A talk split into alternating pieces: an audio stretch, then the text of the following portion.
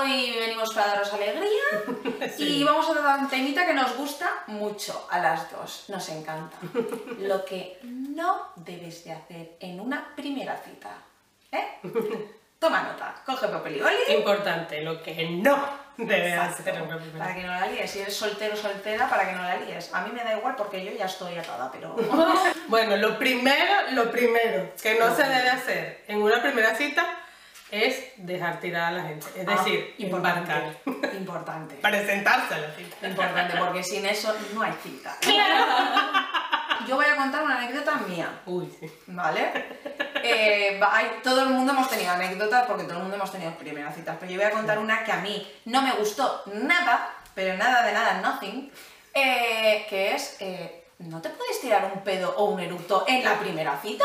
O sea, vamos No a ver. ser, No puede ser. O sea, a mí eso me pasó, señor. Uy, que yo lo veo lógico, al igual que meterte un dedo en la nariz. O sea, lo veo lógico y doy por sentado que eso no lo va a hacer alguien. Señores, conmigo se tiraron un cuesco, eructo y todo. O sea, todo lo que no vaya a hacer, lo hacía. llévatelo. Sí, exacto. Lo que pasa es que ya había un poco de confianza, Ok. ¿vale? Porque yo ya lo conocía y era un amiguete de que íbamos todos juntos en grupo, tal, íbamos al bar, patatín, patatán, y un día pues él estaba ahí tirando la cañita y dije, pues vamos a ¿Qué darle una oportunidad, vamos a conocerlo. Ok. Y ahí estábamos comiendo y eructo para arriba. Y yo digo, bueno, las confianzas, eructo para abajo, vale, bien. Pero una de esas levanta la Es que además levantó la pierna, ¿eh? O sea, cogió impulso, ¿sabes? Levantó la pierna y todo. Y yo dije, ay, No, mátame, está cabrón. aquí, por favor. Ay, mátame, Ay, cabrón. favor. Tú puedes bueno, ser coño, lindo. en una cita uno tiene que ser educado. O sea, tú puedes, todos tenemos nuestro lado barro, vamos a estar claros. Todos tenemos nuestro lado barro, Sí. pero coño, yo creo que en la primerita cita uno Pero tiene que guardar su distancia Hay que y saber mostrar. controlarse en ciertos No, momentos. no, pero o sea. llévatelo. Todo, sí, menos mal, menos mal que no fue con olor, ¿sabes? Porque si ya llega a ser con olor ya salgo corriendo. No vale, pero ese se pasó, se Ya pasó. le digo, desgraciado, no me vuelve a ver nunca en la vida. Quiero que lo Next, sepáis. totalmente, No, no, no, yo totalmente. dije, esto, esto que es una broma. Tengo una cámara oculta aquí, me están grabando, me, me- súper violento, la verdad. Marica, eso es tan grave como hablar del ex en una primera cita. Eso, nothing de nothing, o sea, eso no se puede hacer. Pero es que hay gente que lo hace, tía. Yo también lo veo algo de cajón, pero hay gente que lo hace. Porque no sé, se ve que le ha creado un trauma, ¿no? O algo Me acabo así. de acordar de una cosa. De que, a ver, cuenta, cuenta, cuenta. Sí, me pasó a mí. ¿sí? Me pasó Toma, no soy la única. Había terminado con un novio y estaba saliendo con alguien y yo no había superado a esa persona. O sea, no la había superado, pero cero, cero. Marico, y to- o sea, esta persona estaba muy chévere, todo el mundo dice, marica, por favor. Y de verdad que fue muy cómico porque yo toda la puta noche hablé, o sea, de mi ex toda la noche. Ah, o toda sea, que fuiste tú la que la cagaste. Sí, yo fui la que la Me parto. Muy Pero- bien, Ana, muy bien. Horrible. Claro, y cuando salimos del lugar yo pensé que bueno, vamos a lo que vamos, ¿sabes? Pensé yo, pero no, mi amor, me dejaron a- en- O sea, bueno, porque pensé que iba a haber por lo menos una empanadita. Claramente. Oye, una folladita por lo menos, pues ya que está despechada, que carajo. ¿Qué mala soy? Pero no, me dejaron en mi casa. Eh, venga. Quédate con tu Espero exnovio, que, lo, espero que lo superes pronto. Te lo dijo. Sí, marica, pero tenía, era muy chamita. Ay, qué fuerte, sí. qué fuerte me parece. Ay, madre mía, pues mira, me voy a callar todo lo que iba a decir de esa persona porque si no... No vale. O sea, era chamita y en ese momento, bueno. No. Pero no, de verdad, no, no La lo verdad- hagan, no lo hagan. La verdad, entiendo a ese chico porque si una persona se explaya hablando de su ex, yo te diría, Pero hola, grave. existo, estoy aquí, podemos hablar de nuestras cosas y no de tu ex, y no haberte quedado con tu ex, ¿sabes? Sí, sí, sí, Entonces, eso no se puede hacer, gente, no se puede hacer fatal. ¿Qué Ay. más cositas no se pueden hacer? Mentir. Ah, bueno, Mentir. claro. Mentir para quedar bien, que eso es algo muy común también. Claro, pues ¿no? eso es engañar. O sea, le estás mostrando a alguien Claro. que lo que no eres. Claro, tú, tú quieres mentir porque quieres quedar de... Mira, me voy a echar el moco, como decimos aquí, ¿no? Me voy a echar el moco, ¿cómo se diría en venezolano? Sí, no, No sé. la última Pepsi Cola del desierto. Pues, exacto, mira, yo tal, yo pin, yo pan, voy a decir mentirijillas, o bien por quedar por encima, o bien para ver si consigue esta noche raca raca la sigala. No, amigui, porque si al final te conoce, mm, vas a ver que mientes. Ujú. O sea, Claro, no puedes decir que eres un ávido lector de libros cuando No. después de 10 años no agarraste ni uno. claro, exacto, al final te va a decir, ¿qué? Amigo, claro, cuando han pasado 10 años ya te ríes, ¿no? Y ya Sí, sí. dices, sí, te gustaba leer, me ¿verdad? gusta, Mira, ¿no? mira todos los libros cogiendo polvo. No mientas. Marica, imagina que te que diga, no me gusta leer y no tenga ni un libro en su casa. No, mira, la suerte que tiene aquí mi amigo, mi amigui, es como no tengo memoria, ¿sabes? Pues igual me diría algo y yo no me acuerdo. Pasan los años y yo no me acuerdo. Pero hay gente que tiene, retiene mucho. Hay mentirijillas ahí que, bueno, son blanquitas y bueno, qué carajo, pues, pero... Pero- son, son pasables, son Sí. cosas que tú sabes que te están mintiendo en ese momento, pero que no les importa. Mentiritas piadosas. No Exacto. pasa nada, no pasa nada, Exacto. todo el mundo las hemos hecho. Pero no, coño. Para beneficiarte, no. Coño, hablando de eso, coño, no sé, a las mujeres en Venezuela pasa mucho esto. Que ellas van a una primera cita y se muestran como no son desde la comida. Porque entonces ellas llegan y van a un lugar súper divino y van a pedir una ensalada. El coño de tu madre, chica. Mira, mira, mira, yo tenía una amiguita, yo cada que dices eso, yo tenía una amiguita que antes de tener una cita comía, porque decía, sí, comía porque dice, claro, es que si yo quedo ahora a comer con él o a cenar o lo que sea, no tengo tanta hambre, entonces no como tanto, ¿sabes? Porque ya jalaba. Entonces decía, no, no, yo no quiero y parece una gorda, venga a comer, como antes y así como normal, o me pido una ensaladita como dices tú. Mm, vamos a ver, a ver, ¿a quién pretendes Ya estás engañar? engañando, Si ¿sabes? después te va a conocer que eres una gorila comiendo, o sea... Yo soy una camionera comiendo y lo muestro desde siempre. Es más, a mí yo recuerdo tener citas, no la primera, pero tener citas después de ir a bailar, ir a comer perro caliente sin mañana. Yo es que creo que nunca me he parado para eso. Sí que es verdad que mm, muchos años de mi vida he sido muy sana y he comido muy poco, entonces no podía quedar mal. Pero vamos, que yo... a día de- Bueno, en las cámaras cuántas veces he dicho que soy gorda de mente, Sí, ¿sabes? sí. No, pero hay días en que Sonia le da por su Sí, comida y sí, se yo lanza sí. su comilona. Cuando bien. me da, yo digo, le me da. lo como todo punto com, aunque suene mal. Es verdad, pero es que tú estás mostrando quién eres. O sea, marica, vas a un lugar divino y tú pedir una ensalada. Además, yo soy de esas gordis que igual me como, como el otro día, el otro día, un bocadillo así, entre pecho y Uf, espalda. Y yo, seguramente, cuando yo ya llevaba esto, yo ya estaba hinchada, pero dije, esto está muy bueno, esto lo vamos a diferenciar. Y yo comí, comí hasta reventar que me Yo encontré también lo comí después. No, está buenísimo. Y Sí, la- yo también soñé horrible ese día. Pero oye, me- la vida está para disfrutar, ¿qué coño? Y si no te gusta el que está a tu al lado, a tomar por saco, que se vaya con otra, ¿qué quieres que te diga? A ver, ¿qué otra cosita? Otros que a mí no me gustan nada. Eh, los que están enganchados al teléfono. Los que- quedan contigo para hablar y están todo el rato. tiqui, tiqui, tiqui, te llaman. "Ah, Ay, Muy perdona. ¿eh? Tiqui, tiqui, todo el rato hablando. Vamos a ver, has quedado conmigo Con el para conocerme. y tú el estás hablando y te dice, "Ujú", y no te está escuchando, o sea, él te está escuchando, ¿cómo es? ¿No es oír o escuchar? No sé. Escuchar. O sea, que te presta, no te está prestando atención, simplemente te está siguiendo la bola, o sea, Sí. no. Mira, mamá, pero yo en ese caso lo digo, ¿sabes? Venga, O sea, guau, yo, yo me acuerdo hace, cuando la gente ya todo el mundo tenía WhatsApp, yo me negaba a tener WhatsApp. Imagínate, yo, ¿sabes? A mí si me veis, yo estoy todo el día ahí con el móvil. Y, mm, y me acuerdo que yo me enfadaba con mis amigas. Que íbamos a cenar y todos ahí, tiqui, tiqui, tiqui, tiqui, con el móvil, como retrasadas mental. Y yo digo, vamos a ver, digo, estoy cenando con vosotras y Y vosotras, digo, ¿y aquí qué comunicación hay? Pues es, si me- te pasan una cita, al final, ¿cómo vas a conocer a esa persona? No, ¿Sabes? no hay interés, ya ahí se nota que no hay interés. Claro, Entonces se tía. pierde totalmente. Si había química, se murió en ese momento. Claro, yo admito que yo estoy todo el día al teléfono, pero cuando estoy con alguien, ¡pam! Lo dejo Sí, totalmente yo aparcado. también, yo también. O sea, que Eh, eso últimamente no sé. aquí, bueno, yo, yo voy a hacer- decir, desde que emigré, el teléfono ha pasado como, si es una extensión de mí en mi casa, pero cuando estoy en la calle, no. Yo, tía, eso, eso siempre he dicho yo, digo, es una extremidad mía. A mí me lo han dicho en los trabajos, entonces, en muchos sitios donde estaba, me dice, ¿qué pasa? ¿Es tu extremidad? Y yo, sí, es que ahí donde voy, tengo aquí, se me extiende el brazo y él sale el móvil. Sí, sí. Yo, en, en mi caso, perfecto, pero si estoy con alguien, Pero cero. para lo que, claro, exacto, tía, porque al final es una falta de respeto. Otra cosa importante que no se debe hacer A ver. dentro de esto A ver. es hablar temas aburridos, principalmente de la política. Bueno, en nuestro Es- caso, pues. Estará el que le guste y la que le guste la política Exacto. y se unan y digan, uh, mi hombre y mi mujer perfecto. Pero a mí particularmente No. hablar de política, yo me dormiría en la Sí, cita. sí, yo también, o sea, yo creo que también es lo que tú dices, depende de los gustos de la gente y que cero, o sea, tú me hablas de política y yo digo, este hecho qué aburrido.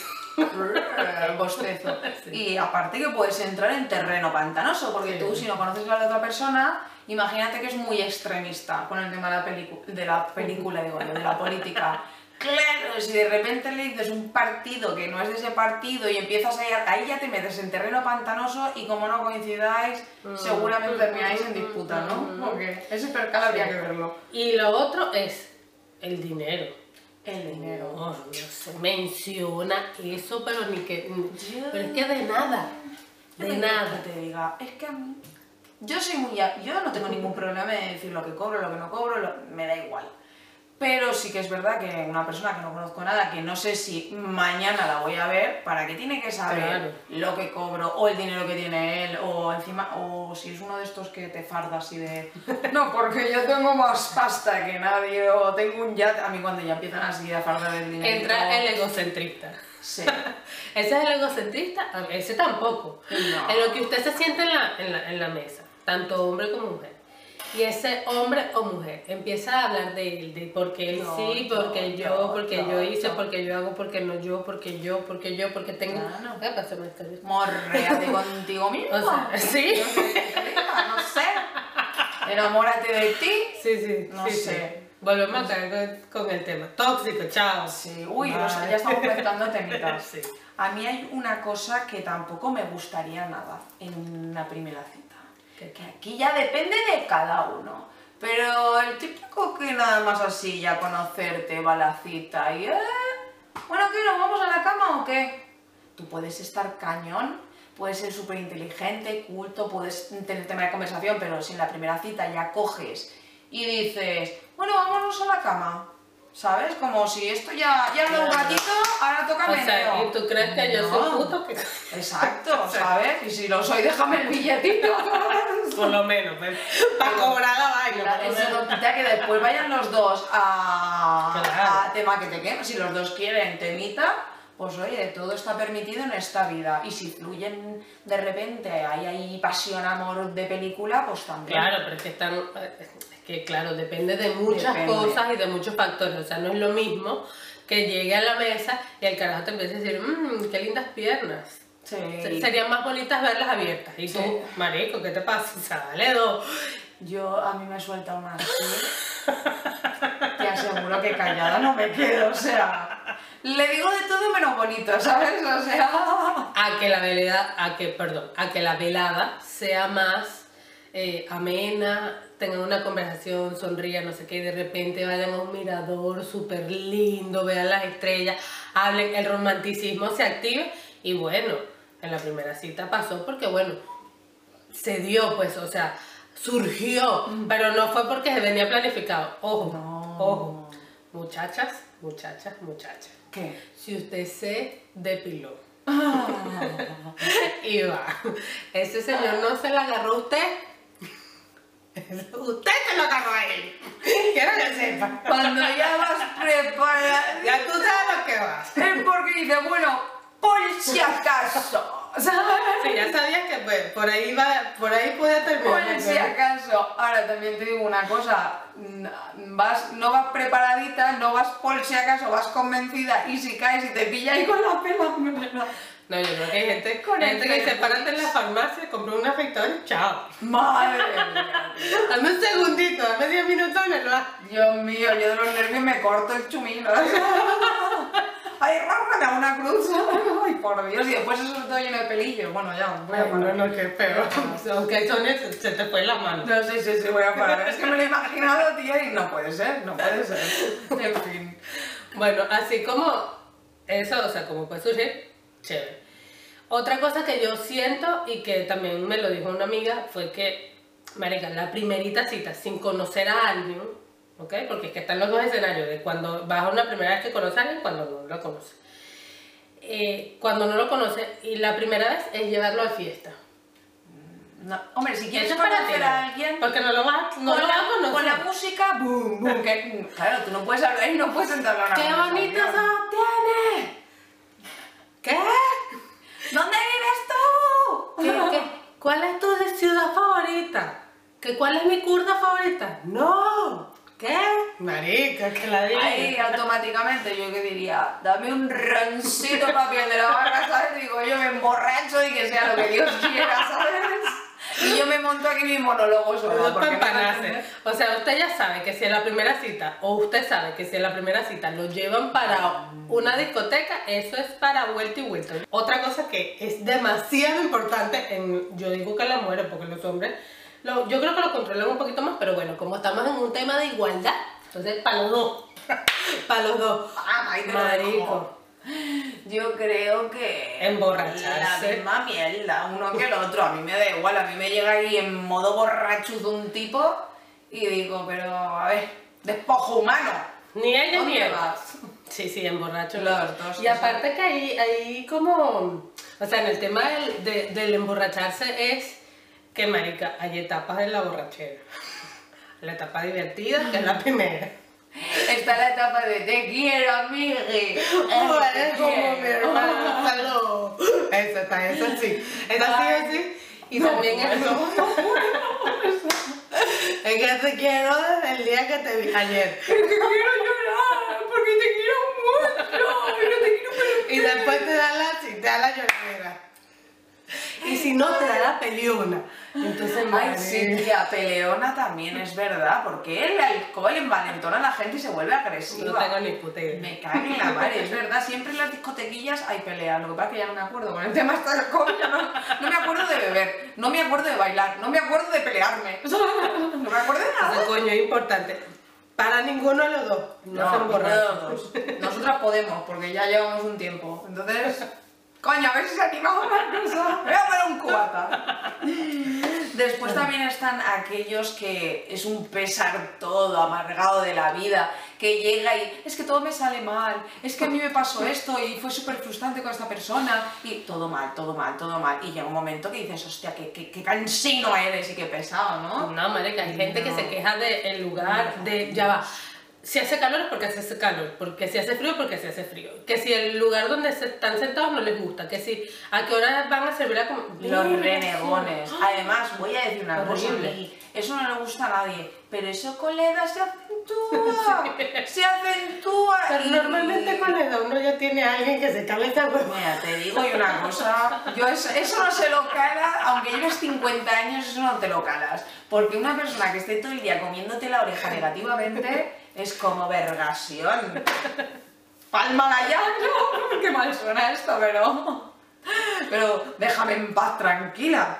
Pero en fin, oye, tiene que haber todo en esta vida. Sí, ¿eh? sí, totalmente. Bueno, y ahora vamos a- al lado también, es medio opuesto esto lo que voy a decir ahora, pero están los babosos y las babosas. O sea, los palos de agua, que son una ladilla. O sea, son esas personas que no saben el límite de un halago a una falta de respeto. Qué asco de persona. Yo, es que yo, mm, esas cosas, no sé los hombres, pero las mujeres las intuimos al segundo, vamos. Pero es que ya... Con una mirada ya Claro. se le nota el baboso, ¿eh? Claro, pero es que tú te sientes como mujer o no sé, como hombre porque también le puede pasar. Pasa es que se lo toma con otro humor. Dice, ¡uh! Sí, se lo toma con otro. Corone, bebé, Sí, es una situación diferente, entonces obviamente, ¿saben? No, pues.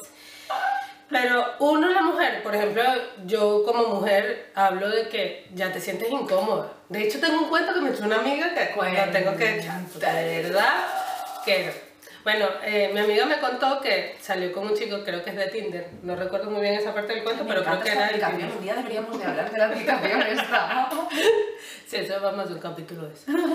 Y resulta que salió con, este, con esta persona y esta persona lo único que le decía era qué, qué rico tus labios, qué lindo tus labios, qué provocativos tus labios, tus labios, tus labios, tus labios. ¡Qué La pesado! jeva, ok, al principio que, ay, qué linda, sí, coche, no sé qué, pero ya, Sí, que te sale mal. ya la jeva estaba obstinada. Un poco al principio el papeleo. Sí, modosita. Y después Erika, este baboso de mierda. Y bueno, en fin, total que su decisión fue la más sabia. Ella agarró y le dijo, ay, disculpa, voy al baño, ya vengo. Y sí, pirilín, pirilín, se largó. Que- A ver, ¡piu! Hizo la de, ¿cómo se llama? Este coyote y el Corre camino. camino, tal cual, chavalín. Esta sí digo, hasta luego. Vergación. La verdad es que yo nunca he hecho eso en la vida, pero me encantaría hacerlo, tío. Pero no me atrevería, creo que no me yo no me atrevería a hacerlo. Pero tú sabes que Gustavo, de, ¡ah! o sea, a mí me gustaría poner, antes de dejarle tirado, me gustaría dejar una camarita grabando para verle el jepeto, ¿sabes? Que se le queda al otro de... mm, vale, estoy bueno. esperando, tarda demasiado, no ha venido. Y la otra que está ya en su casa durmiendo, ¿sabes? Me encanta, me encanta. Ay, eso, eso me ha recordado a los, a los que te dan, porque claro, todos esos que están ahí con tus labios, si no sé qué, son los que yo digo que, que te doran la píldora, ¿no? digamos, te regalan los oídos. Entonces están ahí, venga a decirte palabras bonitas, tal. ¿Para qué dices mentiras? Porque, oye, hay cosas que serán verdad, las cosas como son, pero las exageran o te lo dicen de más o igual, Ay, sí. igual eres más feo, más feo que un pie, pero te está diciendo, uy, eres bellísimo. ¿Para qué? Para conseguir lo que quiere, para fornicar. Pues, mm, ¿para Claro. qué tienes que decir mentiras? A mí Esa las labia que- exagerada, porque hay Sí, gente no, que tiene no piquito de oro, como dice Sonia. Pero es que la labia es exagerada. O sea, No una vaina que tú dices, ay, no. O sea, Sí que están los cameladores, que creo que a casi todas nos gustan, que tienen mucho morro echado para adelante y son cameladores. Sí. Pero este que se pasa, que dices, se te está notando ya, animalico. O sea, ¿a quién pretendes engañar? ¿A quién mojar? con ay, qué bueno es el animalico, me encanta. Animales, sí, el animalet de sequía, ¿sabes? Que... O el de feria, este sería de feria. Sí, esto sería de feria totalmente. Pero, en fin. Cuando ya no embarcas a la, a la cita, coño, tampoco seas impuntual, pan. O sea, coño en la madre. Coño, yo de eso puedo pecar un poco, tengo que decirlo. Oye, pero yo creo que a las mujeres en general, y puedo decirlo un poquito con base, o, o de donde yo vengo, normalmente, coño, yo entiendo que nosotros nos tardemos en arreglarnos porque somos así, pues, o sea, hay que, hay, hay que arreglarse a los no ganas, no intentes No, tú no, tú no, por eso de las venezolanas. Ah, Sí, vale. que, pero tenemos ese, como que esa vaina de llegar tarde a las vainas. Yo o sea, y en las citas porque como que tú eres la importante. No, men, eso es Yo chimbísimo. te lo digo de verdad, yo lo prometo que yo antes era muy puntual. Ya no me acuerdo en qué año, pero era muy puntual. Pero llegó un momento en mi vida, yo creo que mm, estaba tan hasta los cojones de esperar a la gente que no sé, ahora por más que intento ser puntual, llego tarde. No, yo ni digo. Poco, pero llego tarde. Yo no ni sé. digo, porque aparte, o sea, con mi pareja que es Víctor, o sea, nunca lo intento, de verdad. Digo hasta una hora antes. Mentira, jamás llegamos a la hora. O sea, es una vaina arrecha. O sea, más allá de nosotros, está como en las venas. No hay fe. No hay fe. Coño, para la primera cita, para dar una buena impresión, porque la gente dice, no, que la primera impresión no lo es todo. Sí, lo es todo. Para mí sí. Sí, es una carta de presentación. Exacto, para mí sí. Y o lo haces bien, bueno, lo haces bien, no se trata tampoco de un examen, ¿no? Pero o complementas bien con esa persona, ese feeling. Claro. Y, coño, eres una persona un poco decente, que no es muy difícil, ¿sabes? Claro. Mm, Para por lo menos conseguir la segunda cita, ¿sabes? Porque si no, mm, una mierda pincha en un polo. En un polo, no, en un palo. Es que a veces me acelero tanto, tía, que... que... A mí me pasa eso, que el cerebro va más rápido de lo que mis palabras pueden decir, entonces, Sí. vieron, Me pasa mucho y cada vez más, madre mía. Eh, a- otra cosa de las que iba a decir, que es lo contrario de lo que me pasa a mí. Odio la gente que se queda en blanco. Que de repente estás ahí, la perdí. eh, está- como que notas tensión y no sabes qué decir. A mí, Incomodidad total. incomodidad. Lo que pasa es que en mi caso nunca hay silencio. Porque... Y en el mío, marica, en el mío. Pero tío, yo es que encima me pongo nerviosísima si la otra persona no habla y si ya hablo de por sí, hablo más de lo normal y me siento pesada y todo. Pero de verdad, algo exagerado. No, ya, ya, de- yo les voy a decir una vaina. Cuando se les pasa, esa no es la persona. No, es verdad. O sea, Sí, para que sea la persona, tiene que fluir. tío, Tiene que que fluir, ir exacto, como, tiene que como fluir. si le hubiera puesto vaselina manchada, ¿sabes? O sea, hay gente que va a decir, ¡ay, qué qué tal. Me da por culo o que aprovechada o tal. Pero lo voy a explicar. A ver, a ver, ¿Por vamos a qué? ver qué. El típico Alan de dos hombres y medio que se guarda la cartera, no suelta Ah, ni uno, no sí. quiere pagar, se hace el despistado. Ojo, con esto no quiere decir que quiera que me lo paguen todo cuando llegas a una el dinosaurio. Pero las cosas como. A mí no me gustan los tíos agarrados, ¿sabes? De ahí que no puedes soltar. No quiero que me paguen las cosas. Lo que quiero decir, y también me da mucho por culo, perdón, el. Ah, pagamos a medias. Es una tontería, pero para mí es importante. No significa que quiera que me paguen los. Porque seguramente, si hace la saliendo, yo voy a sacar la tarjeta antes y lo voy a pagar, porque me ha pasado muchas veces, lo he hecho. Porque a mí no me gusta. El amago es como, el, no el engaño, sino como, como que vas a hacerlo, pues. Sí, o sea, como... Pero que no le importa, o sea, que haga el amago por lo menos de pagar. Entonces seguramente yo cogeré y lo pagaré antes, porque Claro. yo para eso soy muy espabilada y a mí me da por saco que me inviten y yo enseguida me acelero. Y puede dar fe mucha gente de ello. Ok. Pero sí que es verdad que estos que van despabilados de mm, lo evito, o me voy al baño para no pagar, o bueno, sí, una tarde media hora, pagamos a medias, lo veo muy cutre, ¿qué quieres que te diga? Lo siento, lo digo como lo siento. Entonces, coño, un poquito de cortejo, intenta ahí quedar bien, que después la otra persona seguramente no te dejará que le invites, pero coño, no vayas de agarrado por la vida en tu carta de No, presentación. yo, yo lo que digo es que depende también de, de la situación, porque por ejemplo, nosotros, en nuestra nacionalidad, cuando un hombre te invita a salir, o sea, te está invitando él, es como un regalo que te está haciendo él, o sea, eh, él te está llevando a un lugar especial donde te está brindando eso, y ok, a lo mejor en- es que hay momentos de momentos, pero yo creo que la primera cita, la primera cita, si un hombre te está... eh, cortejando, es la palabra que quería decir. Si te está cortejando, yo creo que eso es un regalo, o sea, es así como que, Vamos, que tiene que pagar. sí, o sea, Aquí el, el español no te invita. sí, o sea, Es más agarradito de puño. pero allá te está diciendo, mira, yo te voy a invitar a salir, vamos a ir a tal lugar, vamos a ir a cenar, no sé qué. Coño, imagínate, si él es el que sabe que- cuál es el lugar, o sea, él no sabe cuál es tu estatus económico, evidentemente no sabe si tú puedes pagar esa cena o ese lugar. O sea, yo lo veo mucho por eso, porque imagínate, me llevas a un lugar fancy, yo tengo que pagar la mitad, coño, no sé si estoy en capacidad, ¿sabes? Claro, Y hombre. no es un tema que a la primera te vas a hablar de dinero, es mentira. Entonces, obviamente, el hombre se siente como que, no sé, obviamente esto viene de crianza de antes y obviamente yo estoy, yo soy de la vieja escuela. Pero para mí es que si un hombre me dice a mí, mira, vamos a ir a cenar, y yo te pregunto, mira, ¿a, a qué lugar? Para yo también estar atenta de qué lugar es. Y te dice, no, es una sorpresa. Ah, no, ya tú te encargas del pego, marico. No, que ¿Qué aquí las diga? cosas cambian un poquito en España. Yo soy más de la New School. De la New School. Yo soy de la mujer moderna e independiente, que digo yo. Pero sí que es verdad que aquí el español te invita, sí, a ti te invita a salir, ¿sabes? Yo quiero salir contigo, quiero una cita contigo. Pero eso no significa que yo te... Yo lo entiendo como tú lo dices, en plan de, yo te he hecho la propuesta, eh, Claro. yo te he hecho la invitación, entonces como yo lo he propuesto, yo te voy a llevar, ¿sabes? Claro. Pero aquí cuando quieren salir contigo es, quiero salir contigo, quiero quedar contigo, ¿sabes? claro. Pero no significa que te vaya a invitar a un sitio. De hecho, muchas veces dice, ah, ya, cuando ya se ha acercado, bueno, ¿dónde quedamos? ¿Y qué hacemos? Y como que ya consensuas el plan. ¿no? Pero no es que te vaya a invitar, no, ya no sabes por dónde te va a salir cada uno. Claro. Pero es simplemente que quiere quedar contigo y conocerte o lo que sea.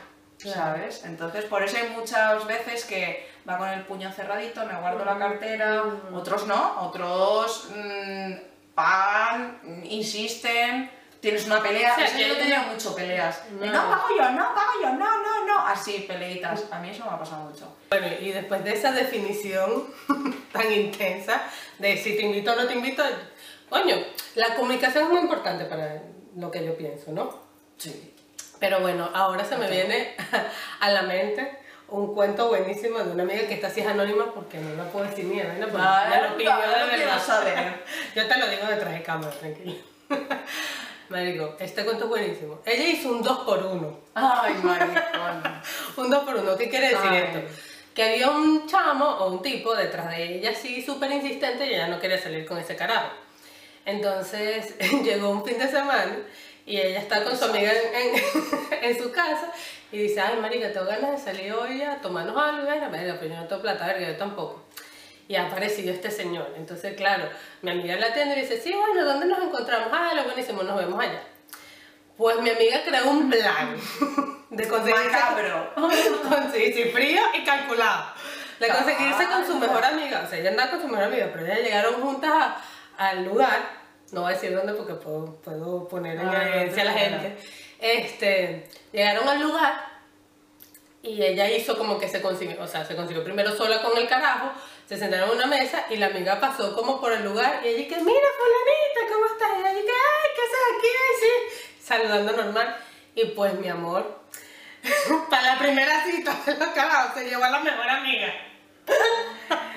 No puedes llevarte a una amiga en la primera cita. Exacto. Esto fue pensado, ¿eh? Sí, sí, sí, Entonces, esto fue- sí, sí, totalmente. Y aparte que, claro, ahí porque hizo un 2 por 1 porque digo esto, porque ella no quería salir con ese carajo, entonces dijo, bueno, marico, quiero beber con mi mejor amiga, este carajo está dispuesto a pagarme esto, porque esto fue en Venezuela, pues bueno, salgo al carajo, tomo con mi mejor amiga y así me lo sacudo. Y dicho y hecho, o sea, el geo no la llamó más nunca, obviamente. Dijo, coño, esta me sale cara, ¿sabes? Para eso me voy a por. Y bueno, pero bien, pues me dijo, marica, me lo sacudí y tomé gratis con mi amiga. ¿Qué Coño. Esa es una genio, dos por uno, coño, esto, esto, es, esto es sabiduría. Sí, sí, esto no. es sabiduría. Ya es otro nivel. Nos ¿no? hubiera valido de muchos hace años, Sí, ahora no nos no. vale. Pero me quedé loca, marica, en serio. No puede ser, ¿ves? Como todo el mundo tiene anécdotas de una primera cita y todas son emocionantes. No menos, pero todas tienen intríngulis. Si tú tienes alguna historia chuli para contarnos de tu primera cita, tu primera vez, nos lo pones por aquí, por los comentarios, porque estaremos encantadísimas de escucharlo y lo comentaremos en otra ocasión. O en las Sí. historias, o haremos otro, otro episodio, lo que queráis, nos, nos lo ponéis por aquí también. Recuerda de darnos like y seguirnos en nuestras redes sociales que están en la próxima historia. Así que nos vemos en el próximo episodio y los queremos muchísimo. Gracias por el apoyo. Hasta la próxima. Bye.